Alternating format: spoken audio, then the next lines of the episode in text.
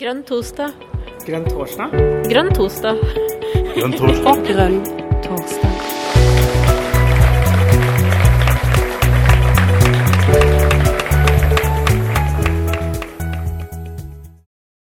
Bra.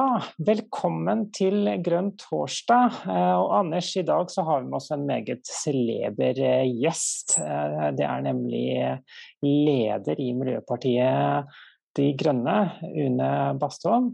Hun jo, fikk jo fornyet tillit på landsmøtet tidligere i mai, og og holdt noen eh, ganske gode taler der, om jeg skal få lov til å si det litt sånn beskjeden på vegne av Une.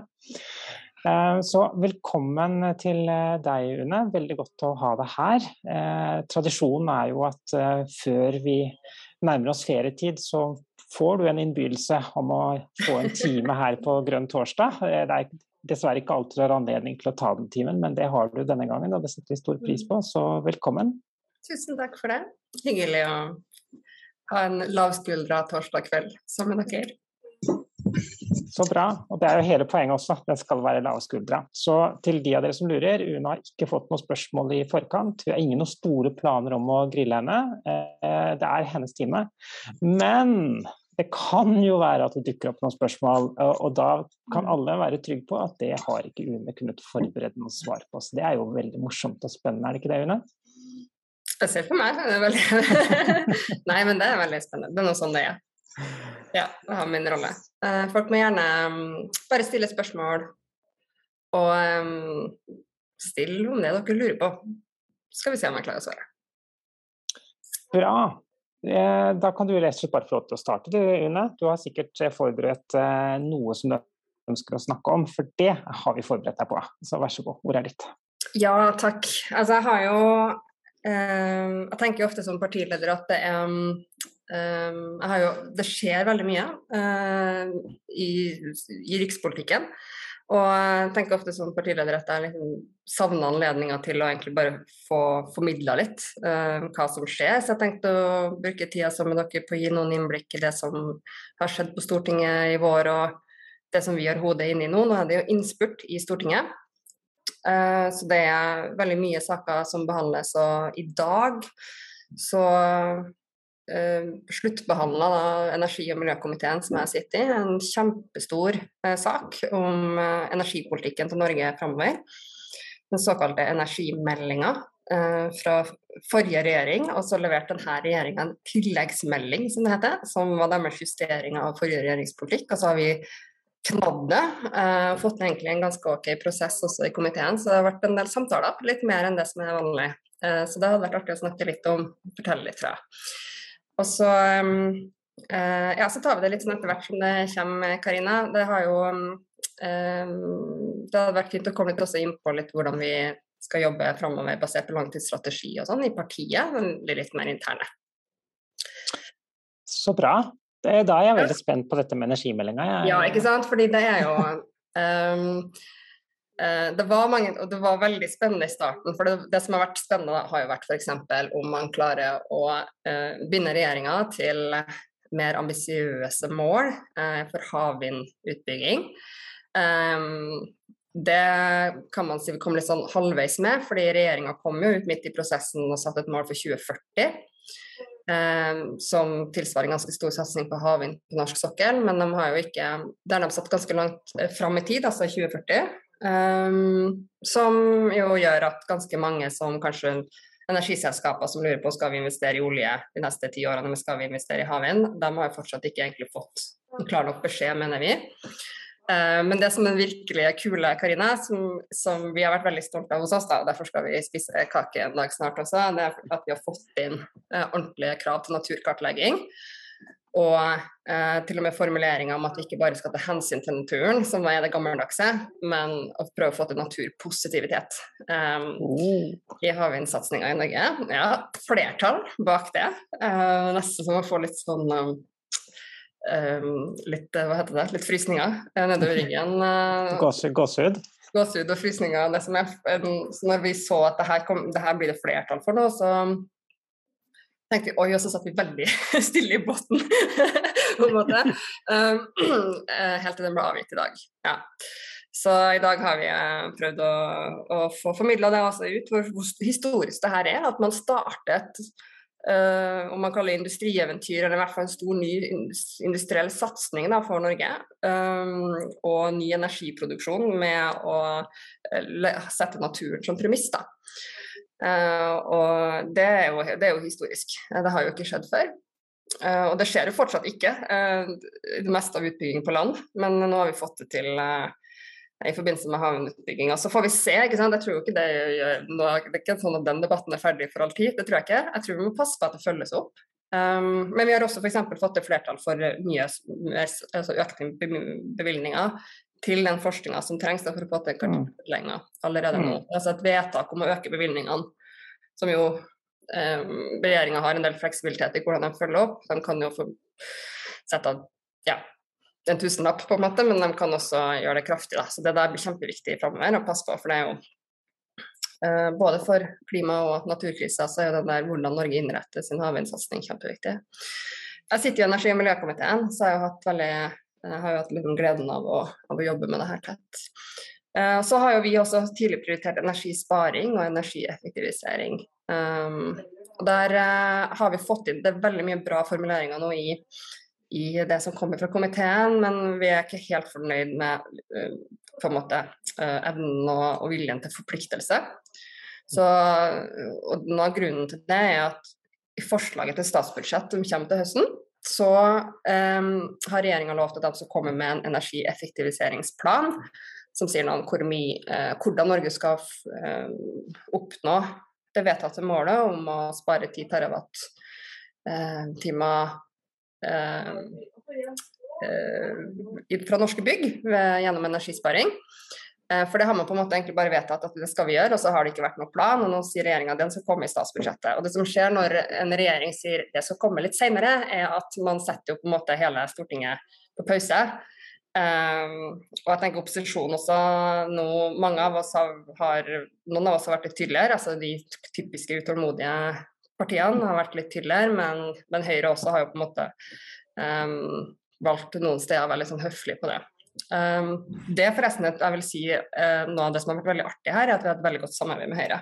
Mm. det ser man hvis man, begynner, hvis man er såpass interessert i det her at man begynner å bla litt inn i den meldinga, så ser man at um, de har vært ganske imøtekommende, og mye mer enn de var da de, de satt i regjering. Så vi merker at Høyre i opposisjon er jo er jo mer framoverlent på klima enn det eh, de var i posisjon, akkurat som Arbeiderpartiet også dessverre var mer, litt mer sånn vågal i opposisjon enn det de er nå, da, i posisjon.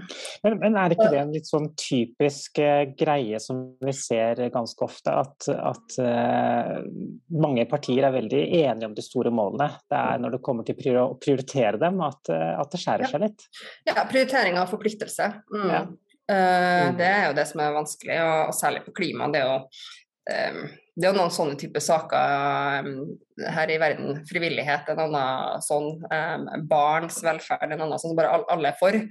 Men det er jo noe man på en måte prioriterer det uh, i penger, og der det er også interessemotsetninger, da, som i oljepolitikken f.eks. Det hadde jeg også lyst til å snakke litt om, forresten, Karina, for det er veldig mye som skjer på oljefeltet nå. Men det er i hvert fall, for å bare runde av det med energimeldinga, så den ble jo levert i dag, og det er stor debatt i Stortinget neste uke. Eh, vi har prioritert havvind veldig høyt, hvor vi hadde eh, fått eh, mye, men fortsatt ikke helt fornøyd med uh, regjeringa sin vilje til forpliktelse. Men det med naturkartlegging ligger jo fast nå, og en kjempeseier. og så er det energisparing, som vi har jobba mye med. Hybridkabler har jo vært mye debattert. Jeg kan jo bare si kort at det, sånn, det handler jo om hvorvidt vi skal utveksle den krafta vi bygger ut med havvind eh, i Norge med andre land.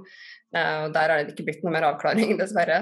Eh, så nyheten er at det ikke er noen nyhet, på en måte. Men det har vært litt spenning rundt det, så det er kanskje noen som lurer på hva som skjedde med det. Det er masse annet òg, så jeg tror bare folk må stille spørsmål hvis det er noe dere lurer på om det er vindkraft på land eller eh, ja, solenergi eller alt, alt er på en måte der. Så det er mer et spørsmål om jeg klarer å huske alt, tror jeg. Ja, men det kan jo være greit å bare nevne, fordi at, at uh, vi som parti har et ganske klart eh, standpunkt i forhold til disse energikablene. Ja, Vi er jo tydelige på at Norge må utveksle den krafta vi produserer, som er fornybar energi, med Europa. Og det er jo kjempeviktig nå for å hjelpe Europa å få til en klimaomstilling som Og da trenger de mye fornybar energi. Men også viktig for å kunne bli mer uavhengig av Putin, som jo er kjempeviktig for europeiske land nå. Det er en veldig stor andel av europeisk forbruk av gass, men også av olje, som er russisk. Og noe som er litt sånn underkommunisert i offentlig debatten i Norge, mener jeg, er jo at mange har jo på en måte fått med seg at Europa nå gjerne vil ha norsk gass, fordi de vil helst ha minst mulig russisk gass. og Derfor sier vi altså at akkurat nå, på veldig kort sikt, så gir det jo mening at Norge eksporterer eh, gass til Europa og, og, en stabil leverandør av det, og kanskje til og med eh, eksportere mer gjennom sommeren enn vi ellers ville ha gjort og sånn.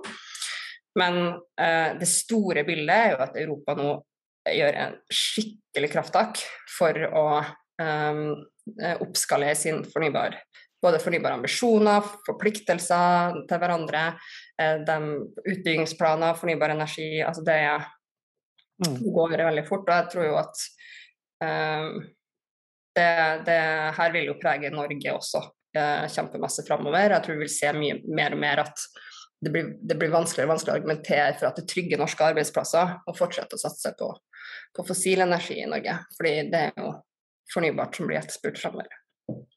Men, men, det er jo eh, altså Noe vi møter stadig, er jo denne skrekken for veldig veldig høye strømpriser, og hvordan det slår urettferdig ut. Eh, hva, tenker, eh, hva, tenker, vi på Stortinget om det? Ja, um, vi De Grønne mener jo at det nok helt åpenbart så bør strømmarkedet reguleres bedre. Altså det har jo på en måte blitt den strømkrisa vi har nå, og som jo er veldig vanskelig for en del, den med høye priser, det, det har jo avslørt liksom mangel på regulering. Um, men så også har jo vi vært enig i at da på kort sikt og umiddelbart så har det vært riktig med den strømstøtten som er rulla ut. Eh, men at det er jo en veldig litt eh, bærekraftig ordning. Eh, for det første så kan det jo være strømprisene som kommer til å være høye ganske lenge framover. Og da er jo f.eks. det å hjelpe sikre bedre støtteordninger for energisparing, at folk kan kunne få ned strømregninga ved å forbruke mindre energi, kjempeviktig. Og spesielt viktig for dem som har en trang økonomi. Men også når vi har den strømstøtteordninga som er nå, den, den øh, gir jo kompensasjon um, mer kompensasjon jo mer strøm du forbruker. Og det er jo med på å forsterke allerede den, den mangelen på kraft som vi har, da, mangelen på energi, som, som, igjen kan være med å forsterke krisa. Så, og dessuten er det dårlig klimapolitikk og dårlig energipolitikk at man, uh, at man ikke har insentiver der, da, ikke inviterer til å spare på strømmen for dem som kan gjøre det. Det er ikke alle som kan det, ikke sant? og da er det andre tiltak som Det er kompensasjon, men det er også Um, også det å få, få hjelp til, å, til, energisparing, som er viktige tiltak. Um, så vi har foreslått en litt annen innretning på sikt. Um, også fått med mange andre partier på formuleringa om det i energimeldinga.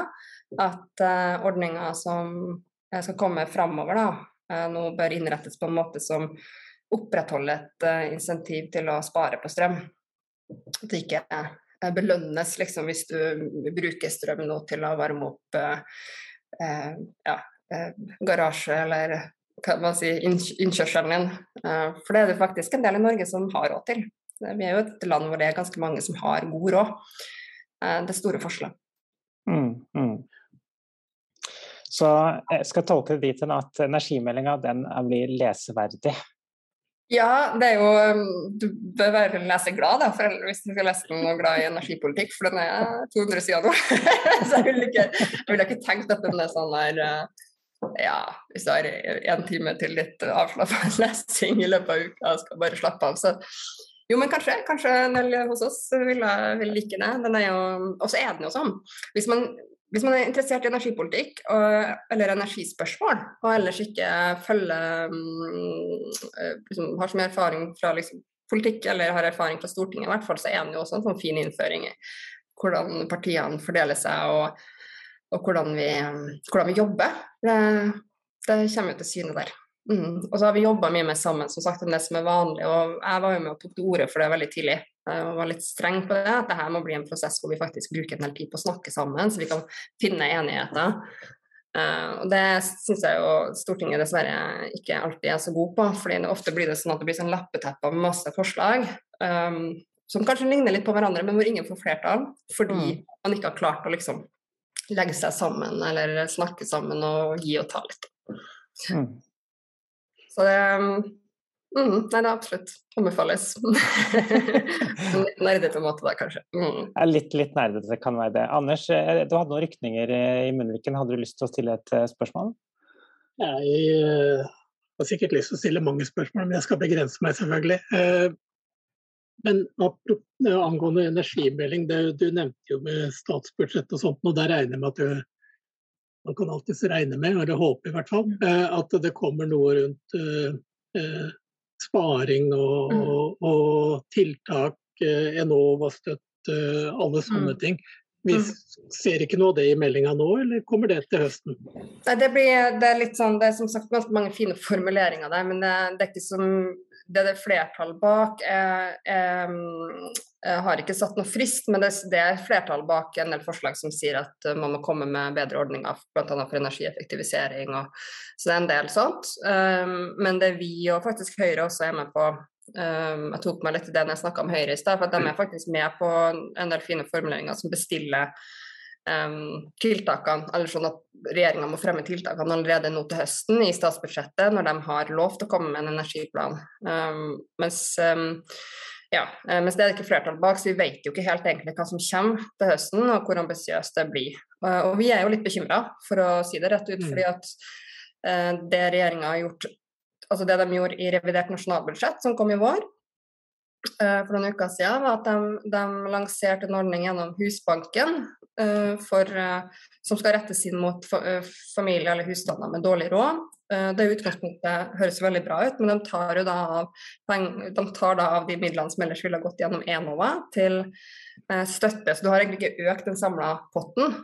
Pluss at det står ikke noe mer om den ordninga gjennom Husbanken enn det, så det er jo veldig uvisst hvordan den blir innretta. Og jeg tenker jo, her, Da er det jo snakk om husstander som har ganske dårlig råd, og som ikke har dessverre råd til den store egenandelen i investeringer som, som, energisparing krever i dag. Da. Det er jo ganske store investeringer innimellom um, det er snakk om. Altså det er jo etterisolere loft mm. og bytte ut vinduer, kjempedyrt. Og, og det gjør jo at hele, hele systemet liksom, for støtteordninger for energisparing i dag er jo retta inn for folk som har god råd.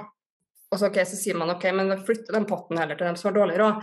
Men den som har dårlig råd, har enda vanskeligere for å eh, Eller de som har vanskeligst kanskje for å sette av penger eh, til den typen energisparetiltak som ville ha gjort at de eh, får en lavere strømregning på sikt. og Derfor er det så ekstra viktig at de støtteordningene fra staten er uh, mye bedre. og Vi støtter jo at de er ekstra gode for uh, husstander med lav inntekt. Um, men akkurat nå så, så, står det ikke noe om måte, hvor gode de skal være. Da. og jeg tenker de, Du bør jo opp i 80% på en måte dekke, dekke utgiften 80 for en del husstander, egentlig. Og så har noen innvendt, der har jeg snakka om noen måneder nå, av og til får jeg innvendinger at ja, men det er veldig mye liksom, statlige penger da man bruker på energisparing, og på noe folk egentlig skulle liksom betalt sjøl, det er jo deres eiendom. Men det er noe sånn at vi bruker jo veldig mye penger nå på kompensasjon, og veldig mye mer. Altså det, det er jo, jeg husker ikke jeg summen, men det er jo eh, 10, 20, over 20 milliarder tror jeg, som er delt ut i sånn i strømstøtte. Så det er jo, en, eh, det er jo koster veldig mye. Um, og uh, det er jo en mye bedre investering både for fellesskapet og for staten, da. Um, I og med at du også får spart energi. Men for folk flest, også dem som sitter igjen med mindre strømregning, mye bedre å kunne gjøre et sånt løft. Ja. Så, så, det er faktisk utbetalt nesten en halv Fornebubane altså, til eh, strømstøtte? Jeg mener det. Nå må gjerne noen sjekke de tallene mens jeg sitter her. for det det er, jo, eh, det er, jo, på en måte det beste argumentet egentlig for å nå ta en skikkelig dugnad. Um, på, for å Eh, for å få etterisolert loft og bytta ut vinduer rundt omkring i Norge. Fordi vi har jo vært vant til at det er um, ganske billig strøm, og at det er ren strøm. altså at den er ganske, Vi kaller jo ofte strøm, strømmen fra vannkrafta ren. Så et annet spørsmål om den alltid er det, fordi den har store naturinngrep og sånn. Men, men den er nå i hvert fall, vi har vært vant til å tenke at strøm det er et enkelt tilgjengelig gode. Og derfor så mm. um, er det en kultur i Norge kanskje for at hvis du bruker penger på hjemmet ditt, hvis du har en del penger, da, så bruker du det på ja, få nytt kjøkken eller um, pusse opp soverommet, uh, og ikke på etterisolere loftet. Og det er noe som alle er klar over. Det er ikke, fordi det er ikke bare MDG som sier det. Det er jo sånn det er, og derfor må man nok forbedre ordningene. Ja, så handler det vel kanskje like mye også om å gjøre ordningene eh, tilgjengelig for, eh, for, den jevne eh, huseier da, eller eh, boligeier. For det, mm. det er, skal ikke stikke under det stol, det er et visst grad av byråkrati og det er en god del ting man må sette seg inn i. Som, og det er ikke alle som har Å ja, vi skal skaffe oss en energirådgiver. Ja, det koster penger igjen. Og det, det, mm. er, eh, det er, ikke rett fram å skaffe seg den der støtten. Ja, Du må nesten være energirådgiver sjøl for å liksom vite ja. du skal søke når. Um, så det er veldig vanskelig tilgjengelig, det er helt riktig, de ordningene. Vi har jo, det er helt annet system for det i Danmark, og der eh, setter de jo av en svær pott um, hvert år. og um, jeg lærte nå at den, den, potten den forsvinner gjerne, og så er det liksom førstemann til mølla med å søke, da, og den forsvinner veldig fort uh, hvert år. Fordi det er en kjempepopulær ordning som veldig mange vet om. Så det, Vi har ikke helt lyktes i hvordan vi har innretta det uh, i Norge. Det er jo mye å si om det, da, om hvordan Enova har uh, fungert og sånn, men det, det er i hvert mm. fall eh, veldig behov for å gjøre det både mer tilgjengelig og sette av mer penger til det. Og, og, sørge for at, ja, at det blir enklere også for dem som trenger det aller mest. da um, å benytte seg av ordningene. Veldig, veldig bra. Um, jeg hadde tenkt å prøve å komme det videre til, til uh, oljenæringa. For det, du la ut en liten sånn uh, ja, hint der om at du ville snakke om. Ja, du ville det. ja. Men, men uh, før det så skal Janne få lov til å slippe til med en spørsmål eller kommentar. Vær så god, Janne. takk for det. Skal vi se, nå var jeg litt sånn utenfor kameraet, ser jeg. Men jeg, jeg, skulle bare kommentere på dette som går på Enova-støtten. Og mm. hvordan mm. som huseier og utleier så har jeg gamle hus og har hatt ønske om å søke Enova for å pusse opp mm. og etterisolere utleiehus. Mm. Men der eh, får jeg jo ikke noe støtte. Og veldig mange av de som har dårligst råd, er jo de som leier, og som ikke mm. eier selv. Og det skaper jo gjerne en dobbel utfordring, mm. fordi at man da ikke får midler til å etterisolere de husene hvor folk bor gjerne da dårligst. Og så sitter de da også med strømregninga og må betale masse penger. Så det henger ikke helt på greip. Nei, og da er du også blant de samvittighetsfulle mot utleierne. Da, for en, det er jo ganske mange som ikke heller tenker de tankene, at det er viktig å, um, å gjøre de grepene. og Derfor så er på en måte utleiemarkedet er jo, eller utleieboliger i stort, da, er jo, uh, har jo vi oppdaga som en kjempeutfordring, som et svært hull som ikke er en ordning ordninger for, og som også liksom mangler insentiver. da, eller det, på en måte, Utleiere vil ofte kanskje ikke orker å gjøre den investeringa, for det er uansett leietaker som betaler strømregninga, og leietaker sitter der og kan jo ikke gjøre de investeringene i, i eiendommen. Så nei, Der har vi kommet med noen forslag nå. Jeg husker ikke hvilke partier som var med oss på det. Um, og så har vi også et konkret forslag vi, vi ber regjeringen om å vurdere, da, som er at man, man um, deler strømregninga. Altså, det vil jo innebære en lovendring av litt sånn prosess, men noe som man kunne kanskje sett på. Det er jo mest for å gi insentiver Altså både på en måte at huseier egentlig skal ha en interesse i å, i å ja, gjøre investeringer i energisparing. Um, men støtteordningene, det, det, trengs også og egentlig også på borettslag og sameier. Så er det samme problematikken at det, det finnes ikke ordninger. Selv om veldig mange bor i leiligheter i blokk for tida. Ja, sånn er det. Jeg gjør det, f.eks. Var det en eh, grei kommentar, eh, Janne, eller har du et oppfølgingsspørsmål? Jeg syns det er eh, greit. Jeg kan bare kommentere at jeg har da leid ut med strøm. Og det er jo helt håpløst i disse tider, men det har vært veldig bra for leietakerne. Så det er veldig kult. Ja. Det er, jo, det er, jo, en måte å se det på. det er jo bra for leietaker, det er det definitivt. tusen takk, Janne. Da, Une, mm. snakk litt om oljenæringa. Det, er så det ja. spennende ting. Jo, det jeg hadde lyst til å um, få formidla, var jo bare at det, det, skjer jo ganske store ting nå i oljedebatten i Norge. Og mer uh, nå enn det har gjort på lenge. Uh, kanskje med unntak av en litt artig valgkamp vi hadde med, med mye debatt om olje da òg. Uh, så var det jo litt sånn pause. Men nå, det jo, nå skjer det mye. og Um, en ting er jo at man begynner nå å se litt resultatene av den oljeskattepakka som var veldig gullkanta, som kom våren 2020. Vi satt og reiv oss i håret fordi Stortinget i all hast vedtok en helt sånn vanvittig lukrativ eh, skatte, skattefordelsordning eh, for oljenæringa, fordi man ønska aktivitet. Nå vil vi ha aktivitet. Vi var, de, egentlig var jo begrunnelsen at man var redd for industriarbeidsplassene, at det skulle gå tomt for oppdrag, selv om det egentlig var litt ja. ja hvor, mye, hvor, mye betalt, hvor, mye, er det vi har betalt nå? Er det tre Fornebubaner som vi nå har betalt ut med den ordningen? Jeg merker meg at du, du regner alltid Fornebubaner. jeg, husker, jeg husker ikke tallene, det er ikke tallet jeg er best på, så jeg må ha det foran meg for å si riktig. Men uh, det er helt enorme summer. Men det betales jo ikke nødvendigvis ut. Det her er jo på en måte gjennom en, en det her er gjennom oljeskatteordninga. Så det betyr jo at når vi sier at staten på en måte eh, subsidierer oljenæringa òg, og det gjør vi jo med, leit, eh, med leterefusjonsordning, og vi, vi jo, har jo gode støtteordninger på en måte, eh, gjennom at de får skattefordeler. Da det, betyr det at staten får mindre penger inn i vårt oljefond. Og det oljefondet er jo det, måte, Så det betyr ikke nødvendigvis at vi får mindre penger inn i statsbudsjettet, men det betyr at man istedenfor at de pengene kunne vært brukt til noe annet, som vi mener f.eks. Norge kunne jo bidra til en verden som trenger eh, investeringer i veldig mye, både liksom trenger humanitær hjelp og bistand. Eh, vi har foreslått at man bruker noen av de ekstra inntektene nå som Norge får fra salg av olje og gass pga. høye priser, eh, til eh, humanitært arbeid i, og, eh, i nærområdene til Ukraina. Um, og også bidrar mer med energiomstilling i Europa og til matvareprogrammer som kan hindre hungersnød um, i fattige land. Uh, som rammes veldig av klimaendringer nå, men også av høye matpriser. Så det er jo en måte liksom man kunne, altså De pengene, selv om de ikke på en måte uh, går tapt i statsbudsjettet, så er det jo det er jo et fond som står der og blomstrer. og Det er så mye penger at det, det går ikke an for noen av oss å liksom ta inn over oss, egentlig. Um, og det vokser jo veldig mye hvert år på de investeringene det fondet um, Eh, eller vi gjør da gjennom det fondet eh, rundt omkring i verden. Så det er et massivt fond som, egentlig ikke trenger, mener vi, da de, de, ekstra pengene som Norge nå tjener. Um, men ja, så den oljeskattepakken den ga ordentlig gullkanta ordninger. Og, og det har jo nå til og med Erna Solberg gått ut og sagt at hun angrer på.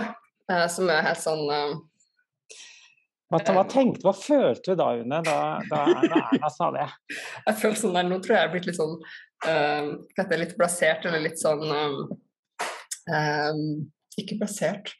Man blir sånn Man blir slutter nesten å bli overraska etter hvert, på en måte. fordi at det er sånn, den ordningen den var så hårreisende når den kom, at jeg tenkte sånn det her er jo det, det, går bare fordi ingen egentlig blir stilt ansvarlig alene. Da. Og regjeringa la jo fram en ordning, faktisk, og så ble den på en måte en, enda mer lukrativ etter eh, Senterpartiet hadde gått løs på den, og det særlig, særlig Senterpartiet og Frp som bare gjorde den som, til en helt sånn vanvittig lukrativ ordning. Eh, og uh, ja, så det, det, har jo på en måte skjedd i det siste. Uh, men det som også har skjedd, er jo at Norsk institusjon for menneskerettigheter, som er et rådgivende organ på Stortinget, som alle land skal ha, Eh, de har eh, kommet med en rapport om, eh, basert på høyesterettsdommen i klimasøksmålet. For dem som husker det, Den dommen kom jo i desember 2020. Mm. Og så Siden da så har det vært litt sånn stille, og de fleste av oss som følger med på klimatema, klimapolitikk, vi kanskje liksom husker den, eller sånn tenker på den som at, det, at, at klimaet tapte, eller at staten vant gjennom. Eh, men det som også skjedde, viste seg utover liksom vedtaket, akkurat det som søksmålet handla om, var at i dommen så lå det også noen andre vurderinger fra Høyesterett, bl.a. at selv om staten kanskje ikke har um, um, brutt Grunnloven ved å uh, utlyse masse områder, så kan staten ha en plikt til å si nei uh, når de tildeler såkalte planer for utvinning og uh, drift, um, utbygging og drift, som er, man kort kaller PUD, PUD, um, PUD. Um, det kan de ha en plikt til, fordi det er da man egentlig på en måte vet hvor mye funnet er og kan gjøre klimavurderingene, uh, sa uh, Høyesterett. Litt forsiktig, de var litt forsiktige, men de sa sånn det, hvis det liksom er en, en, klima, en, plikt der, så er det der. Uh, og de sa også noe annet viktig, som var um, at når man skal vurdere klimaeffekten av et oljefelt, så skal du ikke bare regne med utslippene fra utvinning, Eh, men også fra forbrenning, altså det som skjer i utlandet. Når vi har solgt olje eller gassen. Og det, har jo vært, det er jo kjernen i klimadebatten om olje i Norge. Eh, det har jo vært nettopp det der spørsmålet. Har Norge et ansvar for å ikke ta opp olje og gassen, altså fossil energi fra under bakken, få den opp og eh, liksom sørge for at den kommer ut i atmosfæren, selv om det ikke er vi som brenne den. Og så har jo på en måte Arbeiderpartiet, Høyre, Frp og Senterpartiet sagt nei, det har vi ikke. Um, fordi hvis ikke vi hadde tatt det opp, så hadde noen andre tatt det opp. Uh, og så mener resten av oss, um, ja, KrF et sted mellom her, da, men uh, at det selvfølgelig har vi et ansvar for, for de utslippene som kommer uh, av den olje og gassen som vi eksporterer. Og det Norsk institusjon for menneskerettigheter har gjort nå, da, er at de har tatt for seg den høyesterettsdommen, og så har de sett på ok, men hva betyr det her for oljeforvaltninga i Norge. Um, um, hva, når er det denne plikten for å si nei til en, en plan for uh, utbygging og drift uh, til et oljeselskap inntrer? Og de uh, har jo kommet til at den har sannsynligvis allerede inntrådt. For det en, også dem, og de har jo sett på veldig mye forskjellige typer um, rettslige måte, basiser her, også mm. ESA og det som skjer i Europa eh, lovgivning der, direktiver, de har sett på eh, Grunnloven, har, ikke sant. Og en helhet, et sånn, etter en sånn helhetsvurdering de har gjort, så mener de at det, det er liksom naturlige å vurdere um, den plikten ut ifra, er jo om det er med å uh, opprettholde Eller liksom, om det er med å um, overholde Norges forpliktelser etter Parisavtalen til å hindre mer enn 1,5 graders oppvarming. Og Da har jo Norge et karbonbudsjett på en måte som vi skal forholde oss til. Um, og de sier jo at sannsynligvis så har denne plikten til å si nei til nye utbygginger på norsk sokkel allerede inntrådt. Altså staten bør egentlig si nei til alt nytt nå. Um, med mindre man aktivt kan vise at denne utbygginga, det um, den vil fortrenge en annen utbygging som vil gi mer utslipp. ikke sant? Og det, det er jo helt umulig å gjøre, så det, mm. det er bare en teoretisk øvelse i så fall. Um, så de, de, er jo ganske tydelige. Og, um, og det her ble jo et jordskjelv inn i Stortinget uh, når den kom. Først, først, så skjedde det faktisk ikke så mye, men vi, vi fremma jo forslag um, når vi oppdaga den rapporten, sånn at vi fikk, fikk den rapporten og den tematikken og liksom inn i, i stortingsbehandling. og eh, og fikk NIM, altså Norsk institusjon for menneskerettigheter, til å komme til Stortinget og snakke på komiteen og sånn. Eh, og det har jo vært eh, det, det, har vært ganske ubehagelig for, for, noen av partiene i Norge.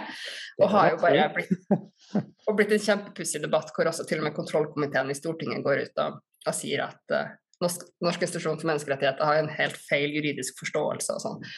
Um, men det, det, der er kjempeviktig, og det som, er, det, det som, er måte, som blir liksom stridstema framover, og som jo kommer til å det kommer til å være en debatt lang tid framover. Um, det handler om hvordan skal staten gjøre de vurderingene. For nå er det på en måte etablert. Staten skal, um, må konsekvensutrede klimaeffekten av en utbygging på norsk sokkel. Um, men det er kjempestor uenighet om hvordan det skal gjøres, og når det skal gjøres. Og selvfølgelig, Norsk institusjon for menneskerettigheter sier jo at det må jo selvfølgelig skje i, før en høring. Altså før man på en måte ber um, offentlig om innspill til en, uh, til en godkjenning av en PUD, da, så må det jo på en måte være synliggjort der hva som vil være klimaeffekten. Og, uh, så det her er stort. Um, Regjeringa prøver prøver å komme seg unna med litt forskjellige manøvrer nå, men jeg tror nå at um, det vil være vanskelig over tid um, å, um, å forsvare det som har vært uh, praksisen nå, da, til nå. Og øh, det gjør jo egentlig grunnen til at det er litt sånn historisk at hele klimadebatten, nei, ja, klima- og oljedebatten i Norge har fått en helt ny mm, Den har liksom fått en ny flanke, eller en ny, helt ny sånn dimensjon, da, som er den der rettslige og Mm. for, ja, forvaltningspraksisen, på en måte. Eh, som gjør at masse folk som før som ikke er egentlig klimaaktivister i det hele tatt, eh, er sjokkert. Altså Masse jurister i Norge er sjokkert over at det ikke er noen sammenheng mellom eh, forvaltninga, eh, oljeforvaltninga, og liksom, praksisen for godkjenning av PUD-er og sånn, og eh, miljølovgivning og ESA og andre liksom, rettslige egentlig skranker da, eh, som skal beskytte menneskerettigheter. Um, det, ja, det er spennende. Det, det, det, er, faktisk veldig spennende, og jeg aner eh, konturene av at vi, vi har noen ivrige stortingspolitikere som samler ammunisjon til fremtidige debatter eh, innenfor eh, dette området akkurat nå. Så det er jo veldig spennende. Um, bare sånt litt sånn teit spørsmål. Hvordan er det, Une, å stadig få tilbakemelding på at egentlig så har du rett? Så I og med at jeg ikke bestemmer hva Stortinget gjør, så er det jo er det, det hadde vært litt mer tilfredsstillende hvis jeg, hvis jeg kunne gjøre noe med å ha rett. Så jeg har jo lært etter hvert at um, det handler, om å, uh, handler ikke om å ha rett, men å få rett. Så den store utfordringa nå er å få overbevist en regjering som, som, er i mindretall og som er avhengig av SV. Da. Så mye av vår jobb er å få mest mulig offentlig oppmerksomhet rundt sånn, sånn som denne saken, da, få øke presset. Um, først og fremst på regjeringa, ikke sant. Men um, det gjør jo at, at uh, enhver samtale om klima med regjeringa uh, også må, må, handle om uh, det her. Om hvordan, vi, hvordan, hvordan Norge fortsatt er med og bidrar til å hente ut fossil energi. Um, for at den skal pøses ut i atmosfæren som ellers ikke ville ha blitt henta opp. Det er jo helt utrolig. Jeg må si også at Den prosessen du, har gjort at også Barneombudet for eksempel, har kommet på banen. Vi fikk jo, um, vi fikk jo også gjennomslag en høring uh, om det forslaget vi fremma. Um, det representantforslaget som jeg og Lana Rasmus fremma. Um, og der um, kom jo Barneombudet også med innspill. Og de sa at vel, husk også barnets beste er jo grunnlovsfesta. Vi forventer at klimaeffekten for altså, konsekvensene um, de økte klimaendringene um, har for barn, skal tas hensyn til her. Um, og så sier uh, Norsk institusjon for menneskerettigheter at det, det, her er de også enig i. De mener jo at en minimum er jo at man vurderer konsekvensen det her har for barnets levetid. Altså så, sånn hundreårsperspektiv. Og det er jo um, Da er du liksom inne Det, det gjør i hvert fall at jeg får frysninger, for det er jo uh, Det er jo liksom MDGs prosjekt, egentlig, å få med generasjonssolidaritet um, inn i norsk politikk, få utvida solidariteten. Um, sånn som vi har vært vant til å snakke om solidaritet i forrige århundre, til å også gjelde på tvers av generasjoner, på tvers av grenser. Um, og så kommer plutselig sånne kjølige jurister og sier, sier det. Det er kjempeartig. Det er veldig artig. Jeg, jeg, ser at det kommer en sånn glød i øynene dine når du ja, snakker om akkurat det. Det er jo tilfredsstillende. Du meg hvordan det føles. Det er jo tilfredsstillende, men det er jo på en måte, det hadde vært enda artigere å kunne gjøre noe med, med litt mer mening. Ja. Men det bringer oss videre til den andre teaseren som du trakk ut, nemlig du ønsket å snakke ut om veien videre fremover, jobbe med langtidsstrategi osv. Hva, hva er det vi skal gjøre da for å komme dit at vi får rett?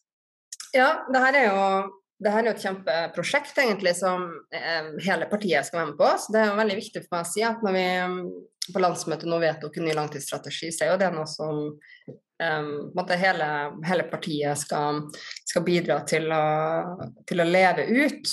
Og Der står det jo litt forskjellige ting, men um, noe av det som går igjen, er jo f.eks.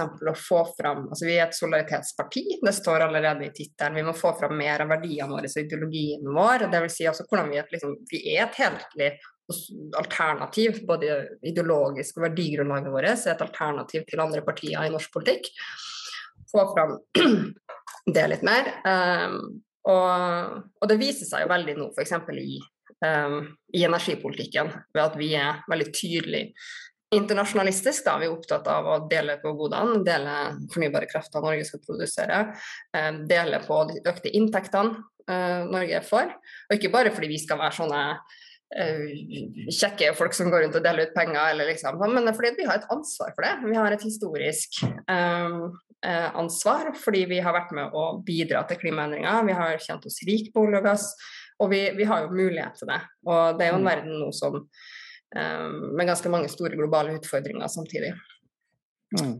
Og så, og så, sier vi at vi vil, si, vi vil få ut mer av verdiene våre og helheten i grønn politikk framover. Og det, nå, grunnen til det er at vi har vel innsett at det For oss så er jo ikke klima og miljø én sak, men det holder jo ikke å bare si det. Vi må jo få vist fram hvorfor det ikke er bare én sak.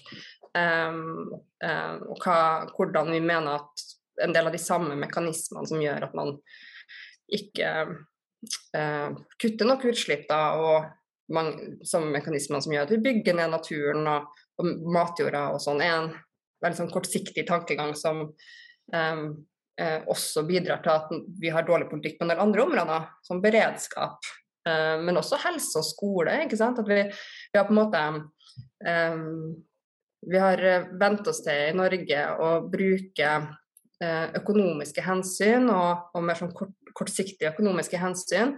Eh, så, sette dem som mål eh, på politikkområder eller deler av samfunnet hvor det Uh, egentlig er å sette det helt på hodet, altså til og med virke mot sin hensikt. Som i helsevesenet f.eks. Hvis du begynner å sette kortsiktige økonomiske hensyn som mål i helsevesenet, fordi du tenker på det som en butikk, eller liksom med skolen, ikke sant? Så, så begynner du å ta helt feil prioriteringer. Og så fjerner det tillit til helsepersonell og til lærere. Uh, som gjør at de også får, de får både mindre tid til å gjøre en god jobb, og de får, um, får mindre rom og frihet til å forme forme ja, skolehverdagen til ungene eller, eller, helsetjenesten da, på en måte som, som, faktisk som er menneskevennlig, som setter på en måte den som mottar den, eleven eller, eller, pasienten i fokus. Så, eh, så, vi ser jo her en sånn systemproblem som jo eh, tror jeg er en god slump eh, dårlig vane. Eh, man har tatt med seg en del sånn idealer for industrialder og um, fra modernisering av Norge og sånn, så har man på en måte bare, bare glemt å stoppe det. på en måte. Man fortsatt, ikke sant? Man tatt det inn i landbruket og behandlet dyr som om de var som produksjonsenheter. Ja? Mm. Som er jo helt vilt. Ja, det, mm. Hvem bestemte at vi skulle måtte, ha så industrialisert hold som vi har med, med kylling og svin? Uh, jeg tror ikke det var liksom befolkninga, egentlig. Jeg tror det bare ble en sånn det, det, opplevdes rasjonelt på et tidspunkt, og så glemte vi å ta en sånn uh, sjekk med hjertet, da. Og det er jo um, Så den, den der systemet det systemiske problemet der, det ser vi, og det ligger veldig tydelig i partiprogrammet vårt, det ligger i prinsipprogrammet vårt. Um, men vi har lyst til å få litt mer, få det fram mer, da. Og det er også for at innbyggere i Norge skal kunne liksom, forstå litt mer hva som er prosjektet vårt, hva slags samfunn er det vi ser for oss. Um, uavhengig av at vi har en klima- og naturkrise, hva er det, man, hva er det deilige grønne samfunnet man ser på andre sida av, av, vår politikk, da. Og eh, det tror jeg vi har kommet mer fram med i eh, lokalpolitikken. Fordi at i lokalpolitikken er det enklere å vise frem hvordan eh, sånn helt åpenbare grønne tiltak som, som bedre, gjør bedre miljøet, da. Både klima og luftkvalitet og eh, gjør områdene mer, altså gjør byområder mer grønne og mer parker og sånn. Hvordan det også er kjempeviktig for eh, folkehelse og eh, for sosial utjevning og ja, og for friheten, egentlig. Bevegelsesfriheten eh, til folk som bor i by.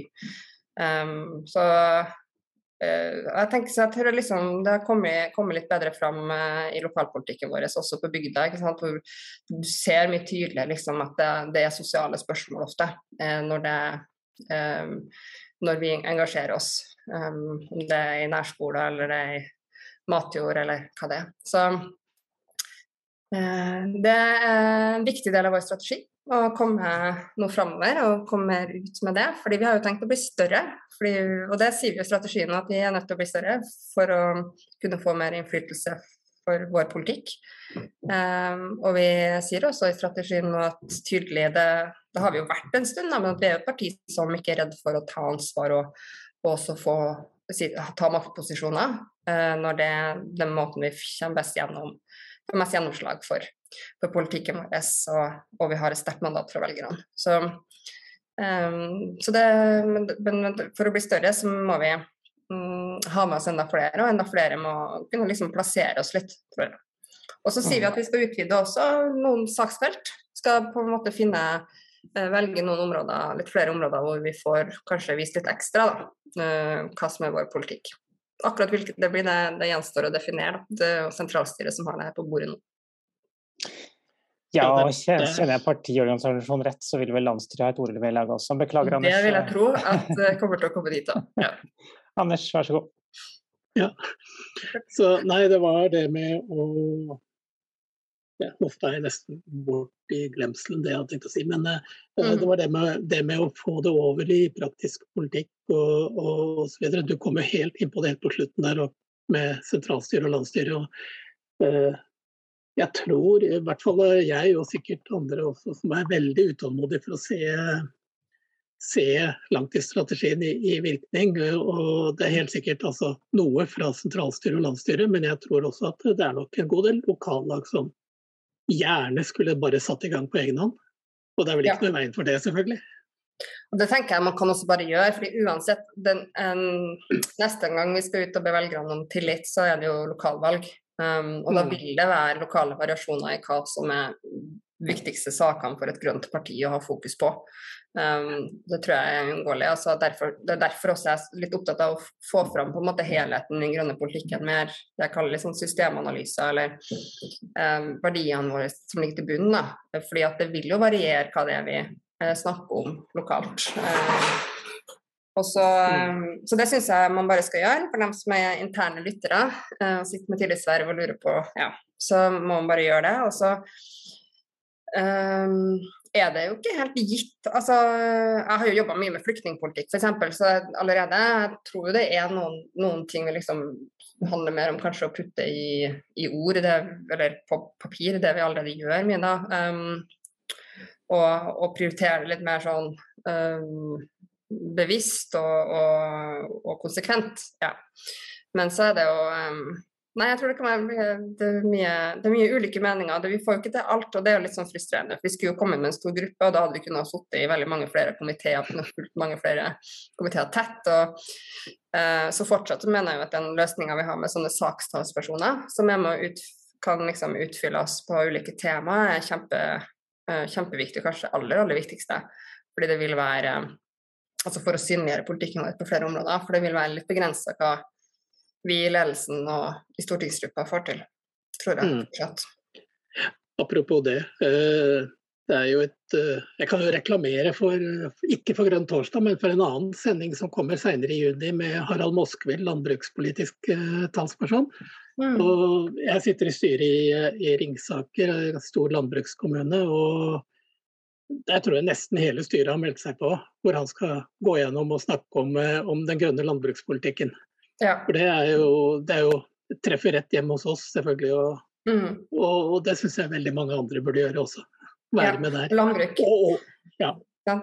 Landbruk er et tema tenker jeg, hvor um, man treng, virkelig trenger et grønt parti i vår tid. og det er sånn, um, altså Mange grunner samtidig. Nå har du på en måte matvare priskrise egentlig i verden, som jo er kjempedramatisk for en del eh, land og, og, den fattigste delen av befolkninga i, i, i, mange land.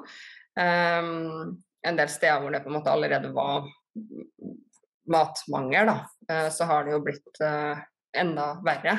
Um, sånn i øst det man kaller Afrikas Horn, altså Nordøst-Afrika. Mm. Eh, Kenya, Etiopia, Somalia. Der er det jo en hungersnødkrise eh, nå eh, som er helt, det er helt forferdelig. Så du har liksom den biten, og hvor viktig det er da at Norge i hvert fall bidrar med matproduksjon på de arealene vi har, og, og baserer dem på norske ressurser, lokale ressurser. Men også har du dyrevelferden, ikke sant? som jo er et kjempe, veldig mange i De Grønne som er veldig opptatt, inkludert meg sjøl, av dyrevelferd. Og, og og så har du jo bare det, den helt krisa nå i bonde um, i bondenæringa, fordi du har jo veld, over veldig lang tid prioritert ned uh, inntekter til bønder. Altså så, så, det er et kjempegap mellom den inntekta til en vanlig bonde og uh, den lønnsøkninga resten av befolkninga har hatt, som et kjempealvorlig sosialt spørsmål. Men også gjør at matsikkerheten vår blir veldig utrygg, fordi det her er jo folka som produserer maten vår. Så det er sånn, det, jeg føler det, det, er liksom alle tingene på en gang. og vi, vi, Det som er liksom bra med oss, da, og som gjør at vi trengs veldig i landbrukspolitikken, synes jeg er jo at vi, vi tør å på en måte også si det som gjør sånn at ok, det passer kanskje ikke alle at vi mener det. Uh, men vi tør å si det likevel. Og flere hadde sagt liksom, turt å si det. F.eks. at prisen på korn må opp, for du, du, må gjøre det mer lønnsomt å produsere korn. Men det betyr jo at kraftfôrprisen blir litt høyere. Ja vel, så må man bli mindre kraftfôravhengig, men det betyr også at kanskje en del av maten kommer til å bli dyrere.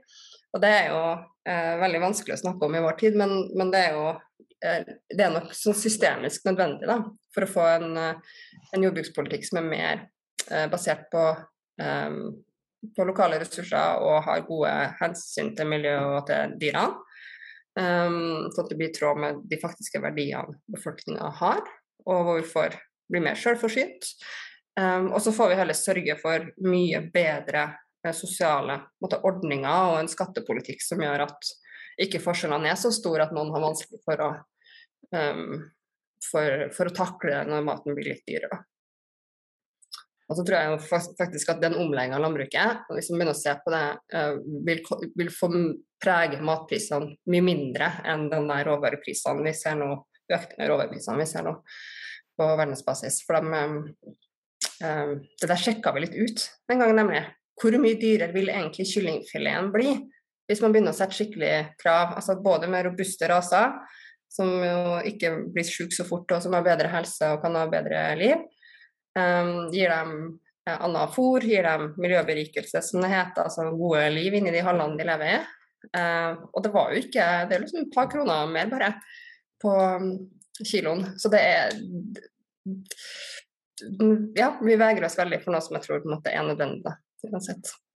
Ikke, du, du satte meg i gang, Anders. Begynte å snakke om landbrukspolitikk. Ja. ja, men du får ta deg en tur til Ringsaker. Da skal vi servere deg ordentlig kylling fra Hovelsrud gård også. Det er den eneste gården i landet som er ordentlig, ordentlig sertifisert. Ja, dem, dem hører jeg mye bra om.